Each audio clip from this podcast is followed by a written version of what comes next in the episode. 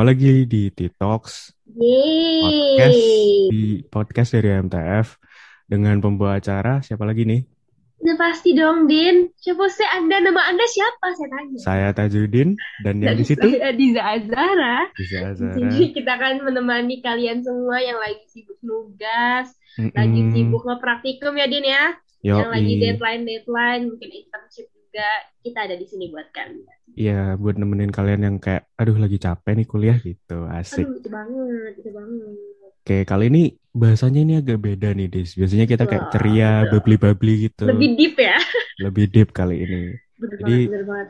Eh, kali ini kita bakal bahas tentang eh, peristiwa yang eh, cukup itu ya, Menggemparkan, menggemparkan hampir mungkin seluruh Indonesia jatuhnya lah ya. ya benar, yaitu peristiwa kemarin ya ada terorisme eh, di katedral di Betul. daerah Makassar ya kalau nggak salah, Benar. dan sangat disayangkan sih sebenarnya harusnya peristiwa terorisme nggak perlu terjadi lagi gitu. Iya, ya, Nah, bener tapi kayaknya nggak mungkin nih kita ngobrol cuma berdua-dua doang nih. ya. Jangan dong. Masa, Karena masa ilmu kita belum sampai. Bener. Ilmu kita belum bisa mengeluarkan kata-kata puitis tuh belum bisa kita. Kita Iya, butuh masa- satu orang lagi dia. Masa kita mengupas terorisme ini cuma seorang Tajudin dan seorang Diza? Nggak bisa dong. Betul banget, betul Kita banget. bawa kita bawa satu temen nih.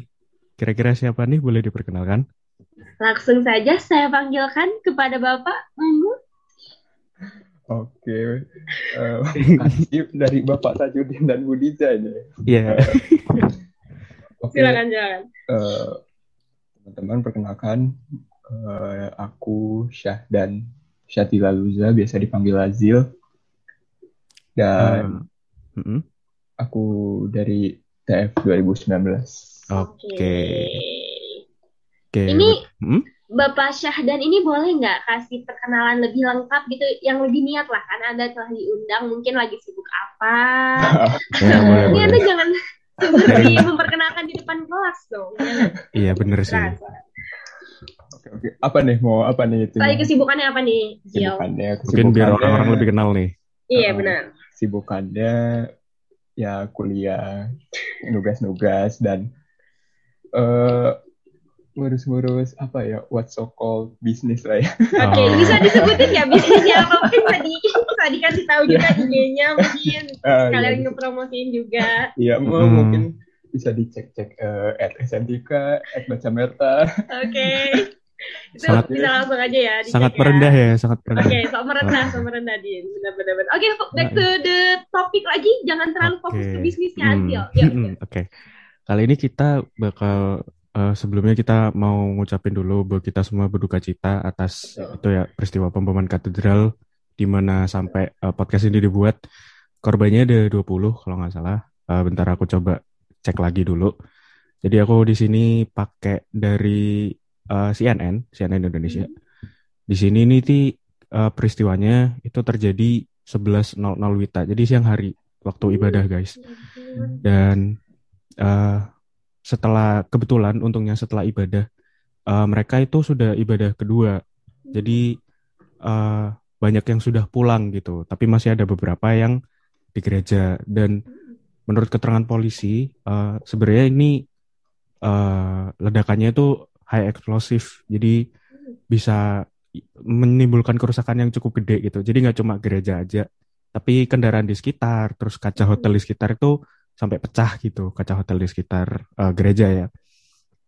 Dan untungnya karena eh, sudah eh, ibadah kedua gitu dan banyak yang pulang, eh, korbannya bisa tidak terlalu banyak gitu. Dan korbannya itu terdiri dari 20 orang eh, yang mengalami luka-luka akibat ledakan dan juga ada dua orang pelaku yang dilaporkan tewas. Eh, ini cukup sedih ya sebenarnya karena kan eh, Indonesia itu sudah cukup apa ya? Kalau menurutku sudah cukup merasakan tragedi gitu. Bener gak sih guys? Bener banget. Apalagi eh, hal-hal seperti bom bunuh diri ataupun hal terorisme seperti ini tuh udah sering banget di, terjadi di Indonesia dan juga telah merenggut banyak nyawa ya. Sangat Mm. disayangkan banget kejadian ini terulang kembali. Mungkin ini jadi introspeksi juga bagi kita sebagai masyarakat selalu aware satu sama lain ya. Karena Mm, hal ini tuh sangat hal yang krusial banget. Aduh sedih banget sih, Iya. sumpah sedih banget ya. Kita berduka lah ya kepada para korban dan Betul, juga keluarga benar. gitu. Oke, mungkin selanjutnya kita bakal bahas kenapa sih Betul. bisa terjadi uh, radikalisasi dan terorisme. Terorisme. Gitu. Ini kira-kira ada yang mau ngasih pendapat gak nih, opini gitu? Ngomong-ngomong karena pembicara cuma satu. ini aja dia langsung eh, langsung ke pembicaranya aja biar dia bekerja aja gitu Oke, oke. gitu biar nggak padahal pembicara cuma ini mungkin satu. yang kedengeran udah mulai Iya. deep ya tadi nadanya aku dan Tajudin langsung deep ini kita kembali lagi yuk yuk Iya. Nah, senyum senyum oke silakan mungkin kepada Bapak Adil mungkin kayak ada pandangan terkait sistem terorisme dan radikalisasi ini Hmm. Eh, mungkin sebelumnya disclaimer ya, aku sebenarnya nggak eh, mungkin nggak terlalu mumpuni untuk bahas ini, eh bahas hal ini. Cuman Mm-mm. dari pandanganku sendiri, kenapa sih bisa ada terorisme, bisa ada radikalisme? Kita kan, tapi sebelumnya kita harus lihat dulu gitu. Emang emang terorisme itu salah, emang radikalisme salah. Nah, dari Hmm. kalau radikalisme itu sendiri, radikalisme kalau dibilang dulu eh, ada revolusi Prancis ya, di Mhm. 1887 sorry kalau salah tanggal ya. Nah itu itu kan juga termasuk radikalisme gitu. Soalnya Mhm. apa? Soalnya di KBBI sendiri itu, oh ini parafrasa ya, radikalisme itu suatu perubahan yang sifatnya keras dan mendes, eh, apa ya istilahnya mendesak dan kayak tiba-tiba gitu. Hmm. Oke. Nah tapi nah, berarti kan kalau kita pandang radikalisme itu nggak sepenuhnya salah. Nah tapi kalau kita pandang terorisme, terorisme itu dia tuh apa ya untuk intinya untuk menyebarkan suatu teror kan ketakutan terhadap individu atau golongan. Hmm, hmm, hmm. Nah kalau dilihat dari sini ya terorisme itu udah full hitam lah gitu. Kalau kalau radikalisme itu masih abu-abu. Nah cuman apa yang bikin radikalisme sama terorisme itu kayak eh, satu paket gitu antara radikalisme sama terorisme. Hmm, Eh, sih, sih. eh, soalnya dari pandanganku terorisme itu itu tuh terorisme itu adalah suatu aksinya gitu. Nah, Hmm. proses yang bikin terorisme itu bisa ada itu radikalisasinya. Radikalisasinya apa? Nah, eh, untuk di Indonesia sendiri sebenarnya terorisme itu masih di apa ya mayoritas didominasi oleh iming-iming agama Hmm, benar. dari iming-iming agama. Nah, dari radikalisasi yang diiming-iming agama itu biasanya sama aja sih. Misalkan kalau ada suatu eh, gerakan buruh gitu, gerakan buruh terus ada orang yang pengen ngeradikalisasinya, ya mereka ngeradikalisasi pakai iming-iming. Buruh-buruh ini nanti ujung-ujungnya bisa jadi istilahnya sekarang juragan gitu, yang tadinya cuma jual jas, eh, jual tenaga mereka, akhirnya mereka bisa punya bisa punya kekuatan, bisa punya power, bisa punya hak produksi. Nah, sama aja kayak di eh, agama di agama itu ya jadinya dia iming-iminginnya Surga. untuk yang enak-enak aja gitu. Maksudnya Ya. manusia kan gampang banget gitu ter, ter apa ya, tertarik oleh hal-hal yang enak gitu. Benar. iya bener banget Karena mereka diiming-imingi kayak eh, apa ya? Bukan diiming-imingi sebenarnya emang tertulis gitu. Cuman eh, jalan yang mereka tempuh tuh salah misalnya. Hmm, Ya, hmm, hmm. Mereka ya terfokus untuk untuk apa namanya bisa masuk surga untuk mendapatkan hal di dalamnya. Itu nggak salah. Hmm. Cuman proses mereka untuk mendapatkannya itu tuh itu tuh jelas salah. Soalnya soalnya apa? Ya walaupun mereka pakai narasi mereka bikin ke, eh, bikin kerusakan untuk eh, orang yang agama yang gak sama-sama mereka.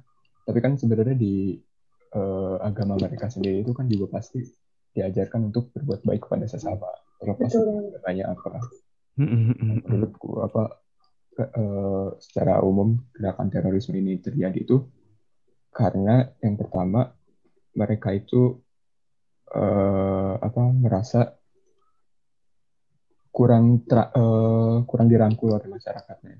Hmm, menarik itu tuh. kata kuncinya itu Ya, benar-benar jadi mereka kayak eh, orang tuh kan kalau kurang dirangkul sama suatu kelompok eh, responnya dua ya antara dia merasa lebih baik atau merasa lebih buruk gitu.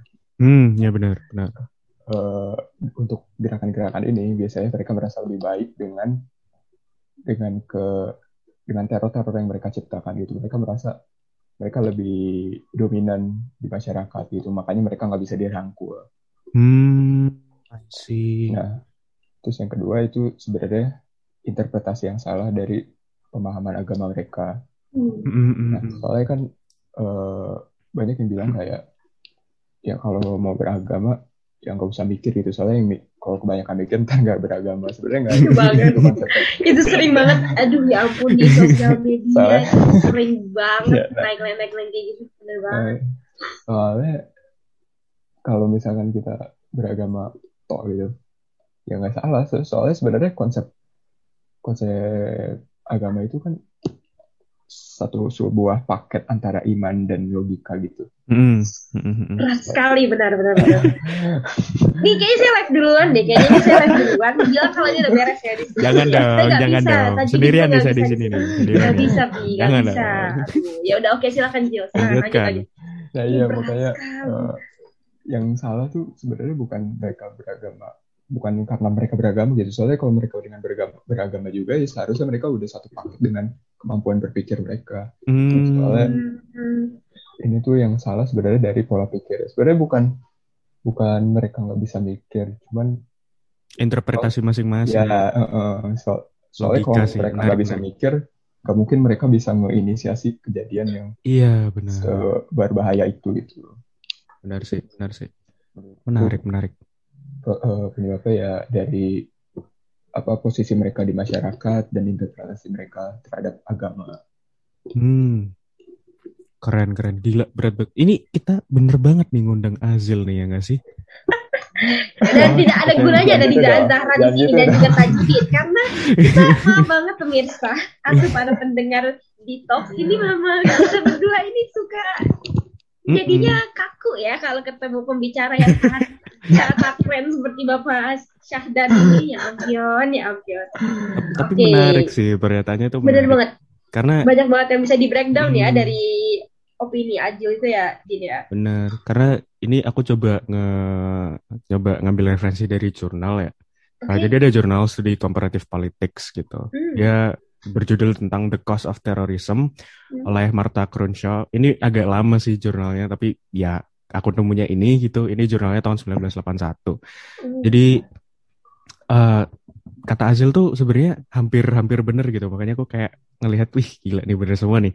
Jadi terorisme itu kalau menurut Martha Crenshaw ya, itu bukanlah reaksi otomatis terhadap kondisi atau strategi yang diperhitungkan secara murni. Hmm. Jadi itu bukan suatu reaksi otomatis gitu. Jadi ada prosesnya gitu. Dan teroris itu hanya sebagian kecil dari orang-orang dengan latar belakang pribadi yang sama. Jadi mereka ini hanya sebagian kecil yang mengalami kondisi yang sama, yang dengan demikian diharapkan dapat mencapai kesimpulan yang identik berdasarkan penalaran logis tentang kegunaan terorisme sebagai teknik pengaruh politik. Ini tadi tentang studi, ah, jurnalnya tentang studi komparatif politik, jadi dia mandangnya dari politik saja ya.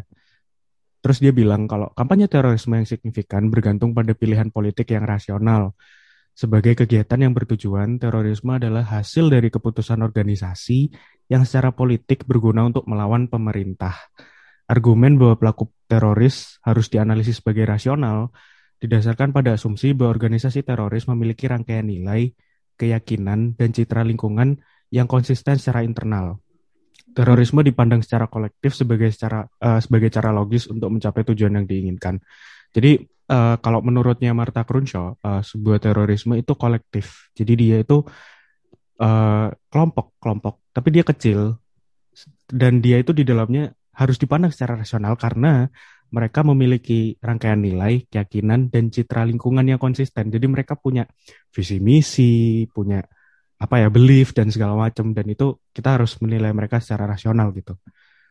Nah mungkin untuk jurnal berikutnya kali, Dis bisa dibacakan?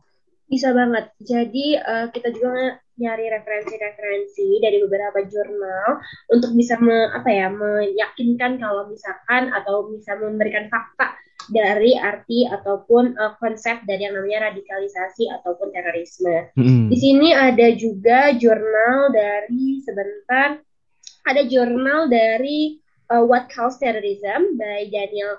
Aduh ini namanya susah banget. Iya, Meririx. Dan- Ah, Daniel itulah ya ya itu lah. Bapak Meririx ini dan juga eh, tim Kri- Krieger yang eh, diterbitkan pada tahun 2019, eh, 2011. Nah, di sini itu didefinisikan tidak eh, maksudnya didefinisikan jika tidak ada definisi terorisme yang diterima secara universal. Jadi umumnya uh, terorisme ini didefinisikan sebagai penggunaan kekerasan dan intimidasi yang disengaja yang diarahkan pada halayak luas untuk memaksa. Nah, itu yang itu kita bisa garis bawahi ya, memaksa komunitas atau pemerintah di sini agar mengakui tuntutan bermotif politik atau ideologis. Nah, hmm. tujuannya itu yang jangka pendek dari terorisme adalah mendapatkan publisitas publisitas dan juga perhatian dari orang banyak media yang akhirnya nanti mengganggu kestabilan pemerintah dan terus ekonomi dan juga pastinya memberikan ketakutan kepada masyarakat yeah. banyak.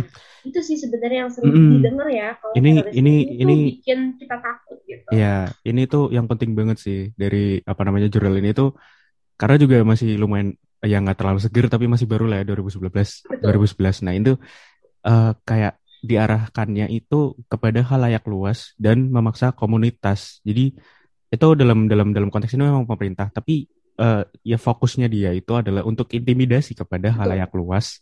Untuk memaksa komunitas-komunitas kecil gitu agar mengakui gitu. Nah, itu perlu dibalis perlu digaris bawah gitu. Jadi suatu terorisme itu untuk diakui secara uh, politik atau ideologis gitu ya. Makanya uh, sering banget kan dulu zaman-zaman yang uh, banyaknya bom yang di Sarinah masih ingat nggak sih?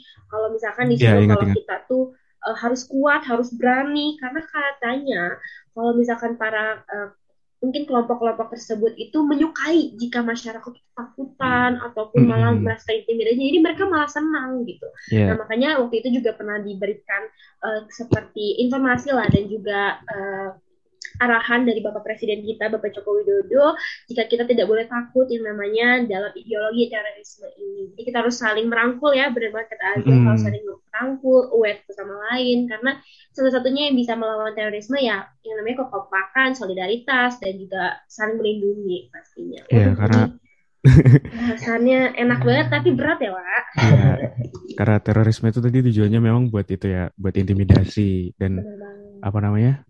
Untuk teman-teman itu memang benar sih kalau bisa jangan takut. Karena uh, terorisme ini punya efek yang kadang kita nggak sadari tapi sebenarnya agak jauh. Mungkin ini agak melebar dikit ya teman-teman. Misal kalau kita uh, ada suatu ketakutan dalam terorisme ini opini pribadi ya. Misal kita ada ketakutan terhadap suatu teror itu akan berpengaruh juga sama kondisi ekonomi gitu. Mungkin hmm. ekonomi ekonomi mikro nggak terlalu kerasa gitu ya tapi ekonomi makro yang secara uh, ekonomi negara gitu itu sangat Betul. berpengaruh ya terutama kalau kayak investor atau mungkin apa ya ini jadi iya hmm, benar-benar benar-benar itu benar-benar ini mungkin agak melenceng tapi just fun fact aja ya kalau misal ada suatu terorisme itu berpengaruh juga gitu dalam dalam state gitu dalam yeah. dalam suatu negara dan yeah. itu itu kenapa kita nggak boleh takut teman-teman kita harus tetap berani dan saling merangkul lah ya. Nice, itu pesannya hmm. udah banyak banget nih dari detox.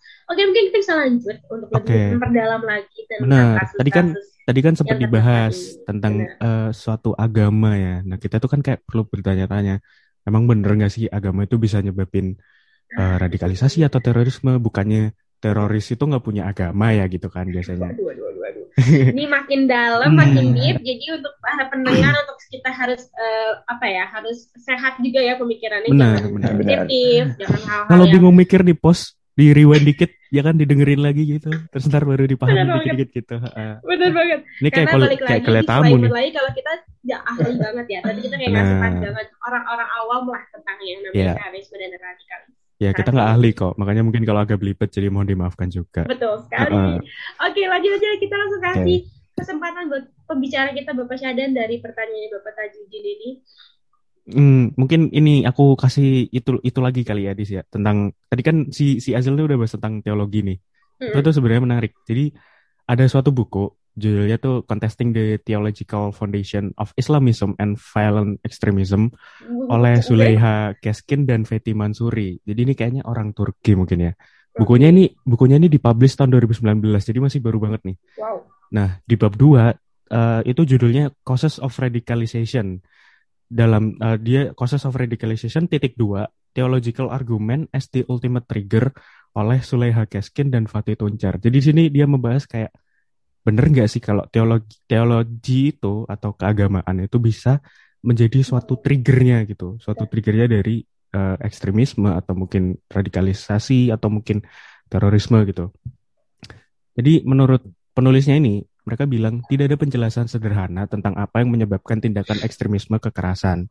Sebaliknya, dalam dunia yang kompleks ini, sangatlah naif untuk berpikir bahwa ada jawaban yang sederhana. Namun di antara kompleks, kompleks, kompleks, nah aduh gila, kompleksitas, kompleksitas ekstremisme kekerasan dapat ditemukan benang merah dalam narasi radikal, yaitu penggunaan agama untuk membenarkan tindakan hmm. kekerasan. Jadi benar tadi kata Azil, mereka itu menemukan pembenaran gitu dalam uh, dalam ide-ide mereka gitu. Jadi dalam idea mereka, mereka menemukan oh ini benar gitu. Artinya ketika narasi para pemimpin radikal seperti Magdisi dan Baghdadi atau mereka yang telah atau mereka yang telah mempengaruhi itu dianalisis dengan sangat cepat, terlihat bahwa ada kehadiran yang kuat dari konsep-konsep Islam terkenal dari narasi mereka. Konsep-konsep tersebut diekstraksi secara ahli dari Al-Quran dan hadis untuk membenarkan tindakan kekerasan membuat mereka tampak islami. Jadi tampak ya ini. Perlu perlu digaris bawah ini. Kekuatan narasi ini tidak boleh diremehkan dan tidak boleh dilupakan. Pada akhirnya kaum radikal melakukan kekerasan karena merasa telah memenuhi kewajiban agama atau karena mereka yakin agama mereka mengizinkan tindakan tersebut. Jadi kayak bias gitu. Mereka melakukan pembenaran dan itu diekstraksi dari Quran dan hadis gitu. Nah, hal ini membuat kontra narasi menjadi penting untuk merebut kembali agama dari ekstremis brutal dan menyerahkan kembali kepada Muslim arus utama yang merupakan mayoritas signifikan di dunia Muslim. Hal ini membutuhkan penyangkalan terhadap klaim teologis radikal oleh cendekiawan resmi seperti Hamzah Yusuf, Fethullah Gulen, dan Muhammad Tahrir Al-Qadri yang memiliki berikut ini untuk membuat suara mereka didengar. Jika suara ulama arus utama tidak di luar sana, termasuk dalam wacana akademis, mereka akan tenggelam oleh suara-suara radikal yang ini akan berdampak kepada pemuda muslim. Jadi ini tuh konteksnya sangat luas sekali gitu, berdampaknya itu ke pemuda-pemuda muslim gitu ya, teman-teman yang muslim. Itu juga kita terpengaruh sebenarnya akan terorisme ini karena itu juga mencoreng uh, nama baik gitu ya, dalam tanda kutip gitu. Kira-kira ada pendapat gak Zil tentang buku tadi barusan gitu? Kalau itu perlu gitu untuk sounding kontra narasi gitu. Gimana gimana? Uh, sounding kontra narasi tentang agama teroris itu Iya benar. Jadi tentang apa ya orang tuh saat ini uh, oh, mengkaitkan Islam akan terorisme itu kita perlu untuk melakukan kontra narasi itu menurutmu setuju atau enggak? Oh hmm, kalau menurutku sebenarnya ya kontra narasi sih. Cuman sebisa mungkin ya jadinya konstruktif gitu bukan karena saling hmm. kontra jadi saling menghancurkan keduanya. Soalnya uh, dari efek teroris ini kan maksudnya berkepanjangan juga terhadap mental gitu ya. Kayak orang-orang yang orang-orang yang uh, katakanlah emang ngikutin sunnah gitu. Ada jenggot, ada jenggot terus habis itu pakai cadar atau gimana itu punya jadi kena stigma Oh ya benar, mereka jadi ya, terluka juga ya. Iya, jadi kena sting. Padahal ya mereka mereka ikutin sunnah gitu. Mereka ya uh, gak melakukan hal apa hal yang keji hmm. kayak gitu, bukan mereka gitu. Ya cuman karena pelakunya beratribut yang sama, beratribut yang sama, diasosiasikan ya akhirnya. Ya, itu bisa diasosiasikan. Iya, langsung digambarkan sama. Sebenarnya yang hmm. perlu dikontra tuh menurutku uh, ketimbang kita terus-terusan ngasih kontra narasi teroris itu nggak beragama ya udah kita uh, akuin mereka mungkin uh, mereka memang punya agama gitu hmm. tapi kita kita nggak kita jangan akuin kalau itu emang agama yang benar gitu Iya benar. Katakanlah teroris itu beragama A. Itu dia. Teroris, teroris, teroris itu beragama A gitu. Mm -hmm. Ya udah kita akuin mereka ya udah mereka mereka emang yakin mereka beragama A gitu tapi berawal bukan, dari kepercayaan tersebut gitu ya? Iya berawal dari kepercayaan tersebut tapi bukan kayak gitu seharusnya agama A berjalan gitu. Oke okay, ya. menarik. Jadi kayak ya. kita kontra narasi ini nggak boleh buang muka ya? Kita nggak boleh ya. menutup menutup mata kita bahwa ya memang mereka berawal dari paham tersebut. Namun uh, di di sepanjang jalan itu entah gimana mereka pahamnya bisa berbelok gitu ya mungkin ya? Ya kita harus uh, saling ngerti juga kalau apa ya kayak seseorang bisa makan makanan yang sama cuman kan uh, nanti dari makanan itu bisa ngelakuin hal yang beda gitu. Hmm, ya benar benar benar. Ya, Seorang bisa sarapan dengan menu yang sama tapi kerjaan di siang harinya bisa beda. Nah itu nah. Analogi yang menarik. Anda Iya, kok iya, kepikiran gitu. Saya pengen tuh ajarin saya kayak gitu dong. Oh, saya pengen itu itu cocok cocok untuk kotak-kotak kosong seperti saya tuh untuk. Jen, jangan membuat kita semakin dumber nih. Jangan, jangan. Ya, gitu dong. ya gitu gitu gitu Ya, gitu. jadi eh, seorang bisa dapat paham yang sama, cuman apa yang mereka lakukan dengan paham itu itu tuh bisa beda gitu dan dan kita harus terima emang emang kayak gitu kejadiannya. Nah, eh, yang harus kita kontrain itu sebenarnya lebih hmm, sorry lebih ke bukan apa ya apa yang ditampilkan gitu apa yang kita kelihatan Like, Hmm, eh, kayak eh, sebenarnya kan manusia itu eh, makhluknya yang benar-benar penilaiannya tuh pertama dari penglihatan gitu. Nah kalau kita ngelihat Hmm. kayak ada sesuatu yang mirip sama sesuatu gitu, kita kan mengasosiasikan itu sama gitu. iya benar. Padahal enggak. Nah itu yang harus menurutku harus dikontra narasi itu sebenarnya enggak semua orang eh, misalkan suatu teroris itu pakai tas Gucci gitu. Iya, Nggak semua, misal nggak misal. nggak semua or- eh, semua orang yang pakai tas Gucci itu kan bakal jadi teroris. gitu. Teroris. Ya. Nah, kayak gitu. Nggak semua atribut yang dipakai teroris itu harus eh, itu tuh milik teroris inklu apa eksklusif gitu. Hmm, tapi misalkan ternyata si teroris ini pakai Gucci karena memang dia high base gitu. Dan kita harus akui bahwa dia itu memang high base. Ah, iya betul. Tapi gimana tiba-tiba dia jadi teroris gitu ya. Ya, Iya. benar-benar. Ah, I see, I see. Iya sih, iya benar benar benar. Iya. Kayak memang kayak misal kita ngambil suatu kasus lagi ya teman-teman. Sedihnya lagi kemarin setelah nggak jauh nggak jauh lama ya dari peristiwa pemboman katedral ada peristiwa lagi di mana ada penembakan di Betul. dan itu sempat rame tuh tentang apa namanya eh, surat wasiat dari pelaku itu sempat rame banget di Twitter itu kan kalau kita baca itu eh sorry eh, mungkin maaf ya kalau menyebut suatu kelompok tapi ini sangat dalam tanda kutip sangat islami gitu dia sangat Hmm. percaya bahwa dia sangat percaya bahwa eh, jalan yang diambil tuh benar di mana eh, ini tuh untuk mencapai apa ya suatu kesempurnaan gitu. Dan apa ya kita nggak boleh menutup mata bahwa memang ya berangkatnya dari agama Islam gitu. Tapi somehow dia bisa di real gitu. Dan ya itu tadi sih kembali ke buku tadi itu memang eh, heb- eh, sebuah karya-karya eh, penulis bukan karya penulis tentang apa ya ulama-ulama yang radikal ini mereka itu ngambil ngambil source-nya itu juga dari hadis dan Quran. Jadi somehow itu sounds legit gitu. Jadi kayak orang-orang yang eh, cukup apa ya cukup cukup kurang aware bukan kurang aware kurang berhati-hati dalam ekspornya bisa saja gitu untuk kena gitu kena paham tersebut. Nah untuk surat wasiat ini juga kan kalau nggak salah kor- eh, pelaku itu kan menuliskan tentang eh, keluarga-keluarganya dia minta maaf ke Hmm. keluarganya dan juga mengingatkan kepada Betul. keluarganya untuk Iya. macam-macam lah nah menurut kalian berarti penting nggak sih kayak keluarga itu harus eh, paham gitu akan yang terjadi di dalam di dalam keluarganya gitu loh sampai itu kan ibaratnya kayak anaknya kalau nggak salah masih remaja juga kan Iya. Pelakunya Masih, du- tapi kayaknya udah 20 udah 20-an ya Iya, 20 Kayaknya udah 20-an, nggak nyampe remaja. Ya seumuran kita lah guys ya kan Iya, itu sebenarnya. dia makanya. kan Ini sangat disayangkan banget sih, Hmm. soalnya uh, umur-umur yang masih muda, yang mungkin bisa dilakukan, apa ya, melakukan hal-hal yang mungkin lebih positif, malah Hmm. berbelok ke arah yang, ya jatuhnya yang sangat negatif gitu, dan sampai merugikan orang lain. Kalau Nah. dari aku pengen banget nih berpendapat soal keluarga nih. Ini hal Hmm. yang apa ya, kayak kelompok yang paling kecil dalam kehidupan kita kali ya benar orang yang paling terdekat, orang yang paling tahu kita, ya pastinya keluarga dulu selain diri kita sendiri ataupun sahabat-sahabat kita. Mm. Karena kan jatuhnya keluarga itu jadi orang pasti bilang keluarga itu seperti rumah gitu. Jadinya kayak balik lagi sejauh-jauhnya kita pergi pasti kita balik ke rumah, ke keluarga gitu. Mm-mm. Jadi ketika nantinya ada suatu permasalahan di mana mungkin anggota keluarganya berbelok atau anggota keluarganya pergi dengan melakukan hal-hal yang sangat negatif itu sangat disayangkan banget ya karena di sini salah satu yang bisa membantu sebenarnya selain diri dia ataupun teman-teman dia ya pastinya keluarga orang Nah, tua saudara kandung gitu karena hal Hmm. ini tuh bisa dicegah sebenarnya cuman mungkin ada beberapa faktor yang membuat hal ini tidak bisa dibantu dan akhirnya jadinya ya kalau kasarnya lost eye gitu jadinya Mm, anggotanya mm, mm. tuh.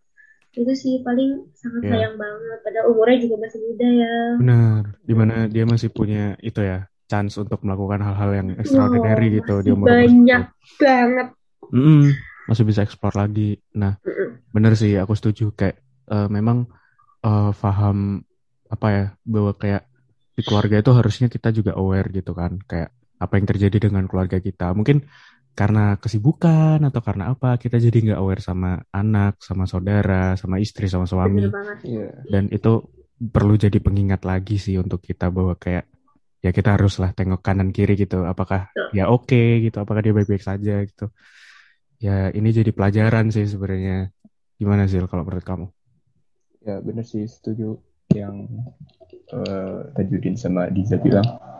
Eh bener dari keluarga soalnya kan maksudnya dari wasiat-wasiat itu mereka juga kalau dari yang aku waktu itu baca dan tonton tuh keluarganya juga nggak tahu ya eh, pelaku Mm-mm. itu terlibat ya kegiatan sampai gitu. bener bener bener Eh, sebenarnya benar sih kayak eh, kayak kata Tajudin tadi mungkin karena faktor kesibukan karena bla bla bla kita jadi lupa refleksi gitu lupa evaluasi diri gitu Jadi, eh, apa yang harusnya bisa kita cegah ya jadi kelewatan karena kita nggak tengok kanan kiri gitu sebenarnya eh, itu sih dari apa namanya keluarga dari baru dari keluarga itu ke teman terdekat dan lingkungan sekitar itu tuh juga Iya, iya. punya andil terhadap eh, apakah ada kesempatan suatu gerakan teroris itu lahir gitu dari atau ada kesempatan suatu individu itu tergabung sama gerakan kayak gitu? Soalnya eh, kayak yang tadi balik di awal mereka tuh biasanya kurang dirangkul masyarakat. Oleh benar karena itu benar. karena mereka merasa nemu tempat yang klop gitu. Yang mereka jadi udah full terjerumus ke situ secara buta gitu. Mm-mm. yang akhirnya mereka diiming-imingi hal yang ujung-ujungnya bikin kerusakan yang cukup parah bagi masyarakat gitu. Iya benar benar karena kan di luar konteks dari terorisme ya misalnya eh, tanpa kita berpikir eh, kita kehilangan keluarga karena terorisme kita kan juga sudah kehilangan gitu kita kehilangan dalam dalam dalam kasus ini mungkin kita ibunya kehilangan anaknya gitu dalam Ya. usia muda itu kan eh, tragis gitu ya seharusnya tidak tidak tidak tidak harus terjadi gitu. gitu Heeh. bisa bisa di bisa dicegah gitu benar nah mungkin eh, ini dari teman-teman ada yang pernah ngalamin peristiwa teror nggak waduh ya ampun pertanyaannya tuh langsung me- gitu kan Kayak langsung ditembak gitu Alhamdulillah belum. Alhamdulillah Belum, belum. ya? Enggak, jangan sampai. jangan pernah malah Iya benar jangan sampai sih. Mungkin mungkin aku kenapa tanya tiba-tiba tuh sebenarnya aku pengen sharing karena eh, dulu di Surabaya kalau sempat ingat-ingat tuh waktu zaman kita SMA ya berarti tahun-tahun Benar. Tahun-tahun berapa ya? 2018. 2018 Benar, 2019 ya. Itu dulu ada peristiwa pemboman gereja. Itu dulu Hmm. cukup cukup masuk headline juga dan Benar. eh sempat ada suatu blunder dari apa ya dari birokrasi gitu lah ya.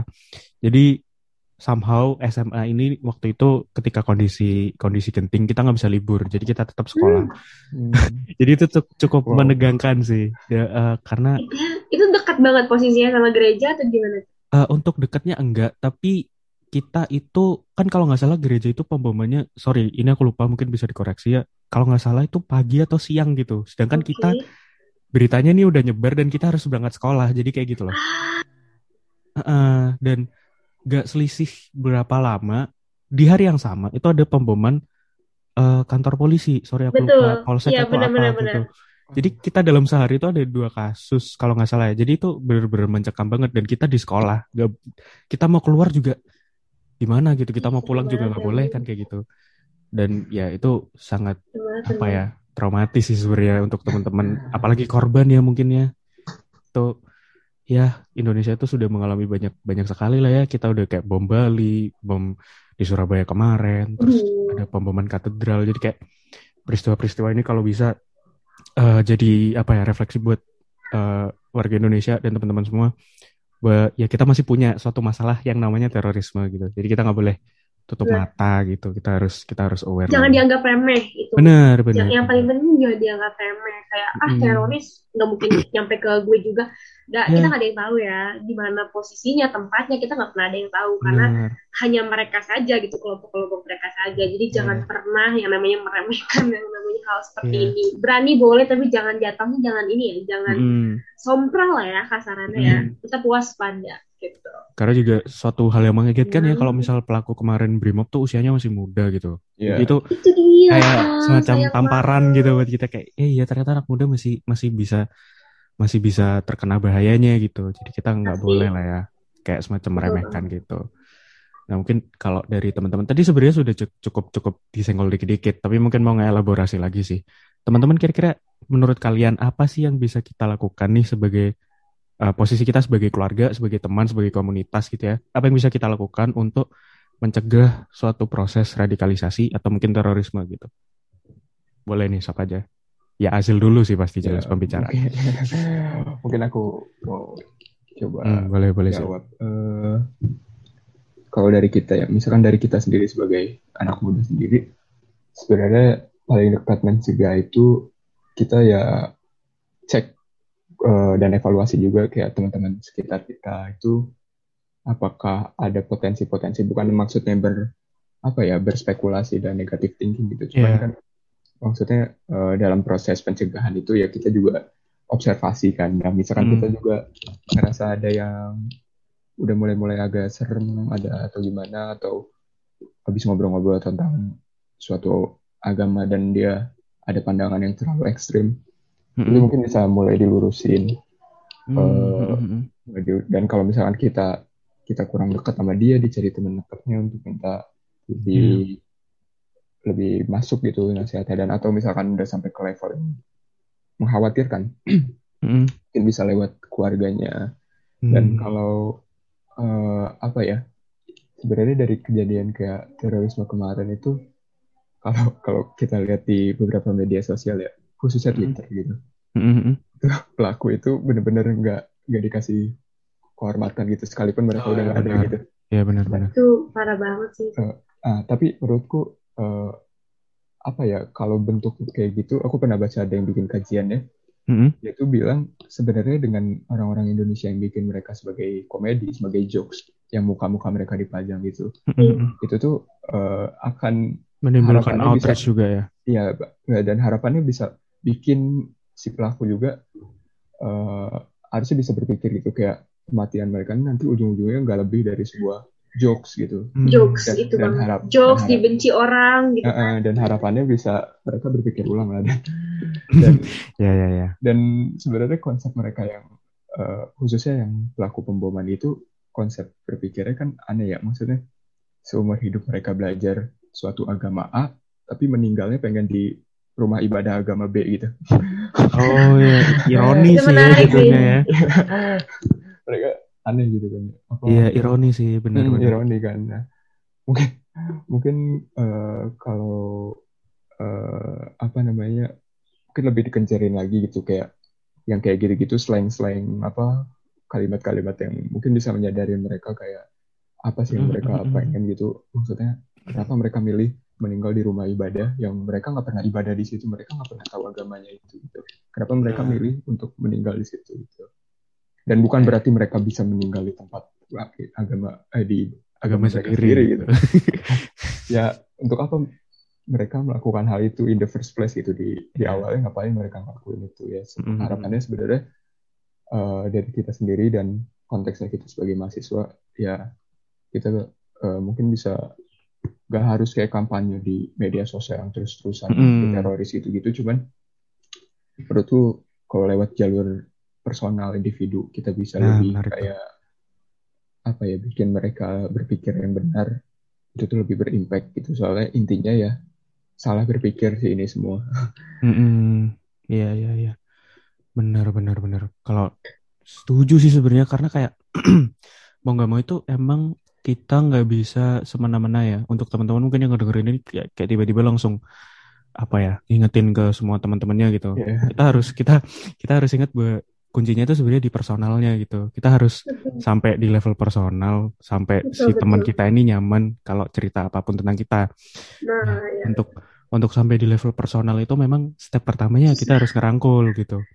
Benar. Dan itu dan itu kadang yang berat sih karena memang yeah. dari dari aku sendiri mungkin kadang ya masih agak hesitan gitu kalau kita misal ngeliat kayak aduh ini orang kayaknya agak sedikit berseberangan gitu kita kan selalu kayak punya insting-insting kayak yeah. ya kan kayak kita selalu punya insting kalau kita berseberangan ya udahlah nggak usah nggak usah terlalu diurusin padahal itu sebenarnya salah satu kesalahan gitu di mana kita harus harusnya malah ngerangkul gitu karena kalau kalau aku coba ngingat-ngingat dari stand upnya Panji ya katanya mereka bilang uh, Panji bilang kalau Panji Pragiwaksono ya. Panji Pragiwaksono bilang kalau kita itu sebenarnya perlu punya temen yang bercadar punya temen yang berjanggut punya temen yang pakai celana pendek pakai temen yang segala macam lah supaya kita itu bisa mengenal bahwa ternyata oh ya mereka kayak gini gitu.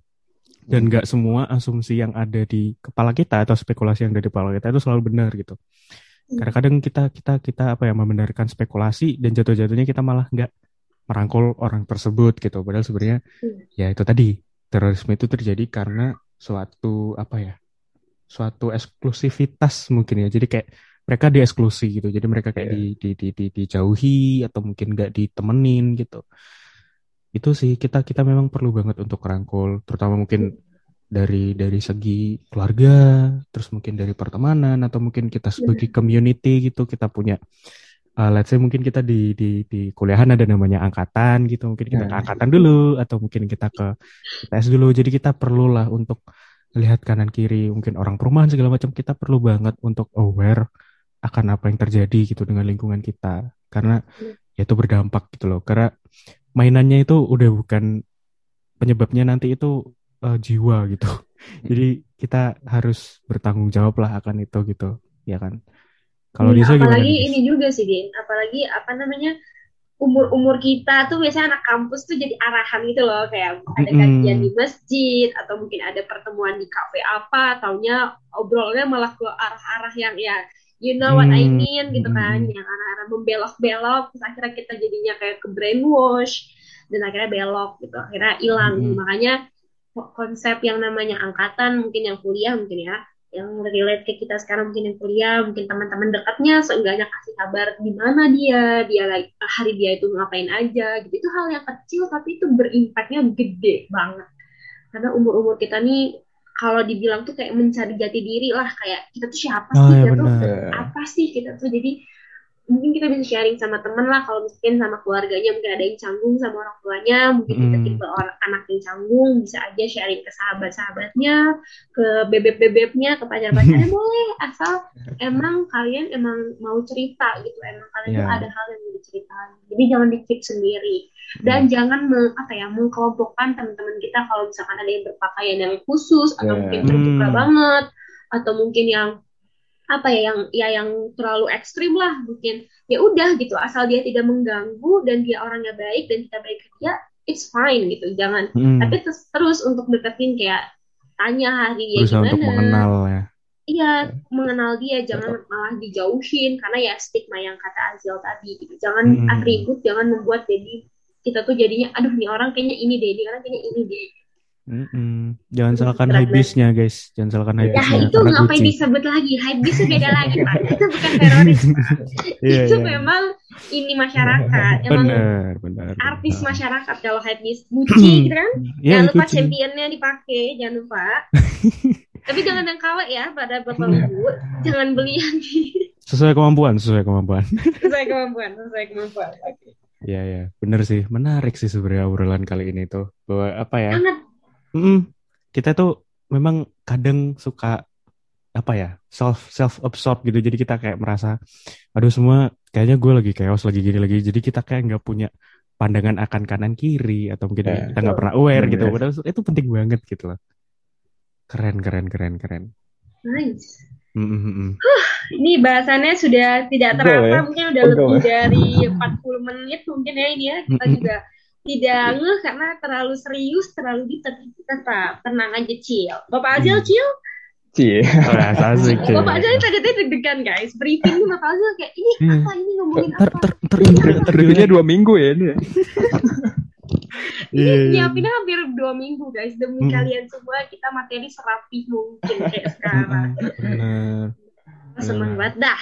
Jadi itu ya guys ya bahwa apa namanya kita itu berkata Diza kita itu harus cerita. Kita tuh nggak sendirian kok guys. Kita nggak sendirian dan kita selalu harus bisa ada untuk lingkungan dan teman-teman di sekitar kita gitu. Menarik sih. Mungkin ini kan obrolan dulu yang panjang ya dan mungkin kayaknya pembahasannya juga udah udah cukup jelas lah ya. Teman-teman juga kayaknya lumayan nih. Berjam udah hampir sejam nih dengerin dengerin apa-apa. topik kan sambil gini. nugas sambil nugas. Sambil lugas PSD aman Jil. PSD aman. Aman guys, Aman, aman. aman info, info di mana? Kaget di, dipanggil lagi kaget. Mm-mm. Ya udah mungkin kayaknya episode kali ini bisa dicukupin kali ya sampai sini ya. boleh mungkin banget. eh, untuk penutup nih dari hasil tradisi kita nih. Hasil Betul. mungkin ada sosial media atau apa yang mau dikenalin gitu. LinkedIn, Twitter, Hmm, Twitter jangan, kayaknya jangan. jangan deh, kayaknya Twitter tuh rahasia Jangan, negara ja- jangan, jangan, jangan. Jangan. Twi- Twitter saya jangan. sampah juga. Twitter saya sampah jangan. Tuh. Instagram dari bisnis kamu mungkin atau dirimu Boleh, boleh boleh, boleh silakan. Second IG jangan Jil, Oh, jangan, oke, jangan ya. Eh, mungkin eh, Instagram aku aja sih eh, Syah dan Luz eh, L U Z belakangnya. Ya, nanti Mhm. Oke. bisa ada aku suka nge-share-share kegiatan-kegiatan juga di situ. Siapa tahu Nice. tertarik dan ada kegiatan sosial juga mungkin bisa tertarik. Nah, Itu itu. dia, bener Atau banget. Azil LinkedIn? nih pokoknya inspiratif banget lah. Pokoknya cowok-cowok, eh cewek-cewek, kok cowok-cowok sih? Ya, aduh, salah Ini dis, salah tidak dis. fokus. Enggak, enggak. Azil normal guys, Azil normal. Hmm, normal ya, kebetulan. Oke, silakan silakan Bapak Tajudin Oh. mungkin. Oke, kalau dari aku dari eh, IG itu Tajudin Raffi, I-nya dua. Dan kalau Nice. LinkedIn Tajudin Ahmad Raffi. Betul sih, Azil nggak mau naruh LinkedIn nih, Zil. Kali-kali Oh, nih. Lumayan Zil, connect connect. Konek-konek, Eh. ya kan? LinkedIn-ku sama si Syah dan Luza. Oh, Oke. iya. asik, asik. Oke, di, di wanita satu ini, wanita satu ini ingin juga mempromosikan diri. Aku di Zazara, IG-nya di Zazara, Ani 3 setnya 2, bisa banget di follow. Ataupun link-nya di Zazara Mendra, boleh banget di connect, karena aku juga akan connect ke kamu. Oh, gemes banget, banget. Untuk untuk teman-teman nih yang mungkin gak tahu si Azul nih sebenarnya suka untuk nulis-nulis eh, itu ya itu nulis-nulis dia. Nulis-nulis artikel dan segala macam. Mungkin kalian bisa kulik-kulik sendiri. Kalau orangnya malu ngomong di sini bisa tanyain aja lah.